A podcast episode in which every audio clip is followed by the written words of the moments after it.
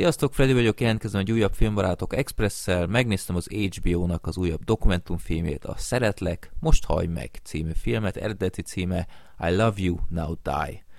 Nos, ez egy viszonylag bizarr szerelmi szálat dolgoz fel ez az alkotás, aminek csúnya vége lett. Röviden összefoglalom, hogy miről szól ez az egész. Nos, volt egy Conrad Roy nevezetű amerikai tinédzser, aki egy bizarr távkapcsolatba került egy Michelle Carter nevű nővel, talán ötször találkoztak csak személyesen, de gyakorlatilag csak a csevegő felületeken tartották egymással a kapcsolatot, azt viszont már beteges szinten. És tudni kell, hogy ez a Conrad ő elég depressziós volt, és a lánynak is volt ilyen fajta múltja, kicsit szociopata volt, a, a srác is boldogtalan volt különböző okok miatt, és hát folyamatosan egymást sértegették cseten, de ugyanakkor meg folyamatosan azzal végződött kb. minden, hogy te vagy életem értelme, szeretlek, meg minden. A filmben végig lehet látni a, a chat beszélgetéseket, mert ezeket lefoglalta a rendőrség, és ki is nyomtatta, és ez fontos tényezője volt a tárgyalásoknak mert azért volt tárgyalás, mert ez a Konrad nevű srác 18 évesen öngyilkos lett. Méghozzá egy parkolóban szémonoxid, szándékos szémonoxid mérgezéssel.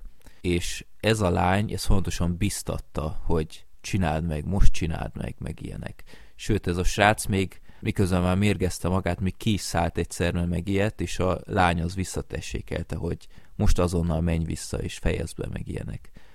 Hát amikor megtalálták a fiút, természetesen vissza lehetett olvasni mindent, és hát a, a lány nem is tagadott semmit, és akkor itt kezdődik el a történetnek a valódi, hát hogy mondjam, bonyodalma, hogy igazából ez most mi? Tehát a lány felelősségre vonható-e azért, hogy küldött neki ilyesmiket, vagy nem, mert a srác teljesen önszántából csinálta ezeket.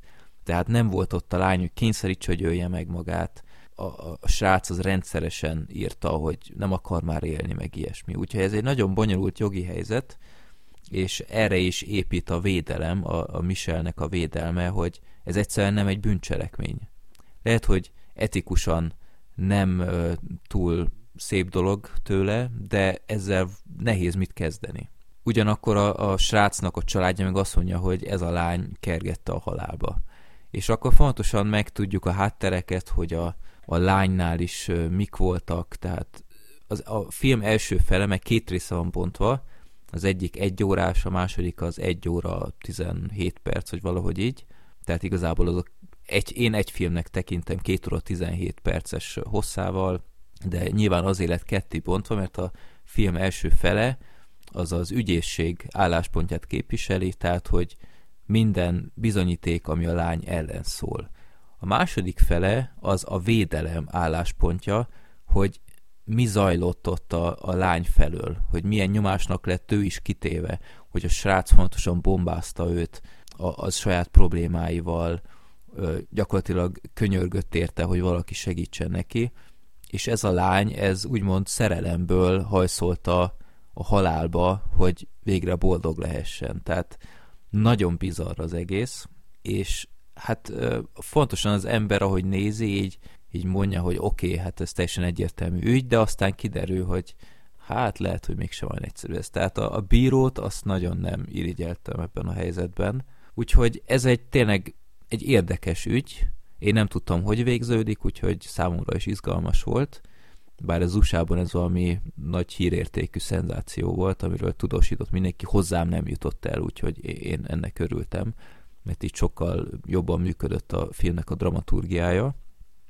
Ugyanakkor azt kell mondjam, hogy a film egyszerűen túl hosszú és túl vontatott szerintem. Az oké, okay, hogy, hogy játszik okosan a, a stílusjegyekkel, tehát hogy van, hogy percekig csak chat váltásokat láthatunk, ezzel a tipikus mai okos telefonos vizuális megoldásokkal, hogy bal oldalt az egyik, jobb oldalt a másik, és ilyenek, de egyszerűen túl sok volt ezekből, tehát már rég megértettem a film meg a karakterek álláspontját, és a film újabb meg újabb példákat mutatott, és egy idő után nekem ez már túlvontatott volt. Tehát ez a sztori, ez igenis filmet követel. Én, én ezt nem is vonom kétségbe, ezt megérte, hogy csinálják ebből egy dokumentumfilmet, hogy ebből tényleg egy 2 óra 17 perces filmet kelljen kihozni, ez szerintem túl sok.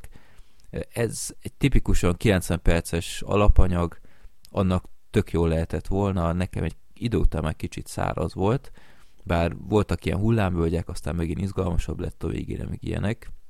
illetve hát a, a filmet ugyanaz az Erin Lee Carr rendezte, aki az Anya gyilkos kincsét rendezte, az is egy ilyen HBO-s dokumentumfilm, az egy óra 20 perc volt, hogy valahogy így.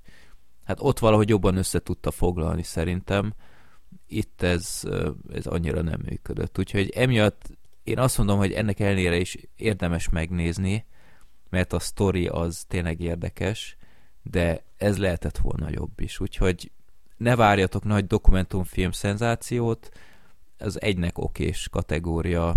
Na, akkor ez lett volna én. Sziasztok!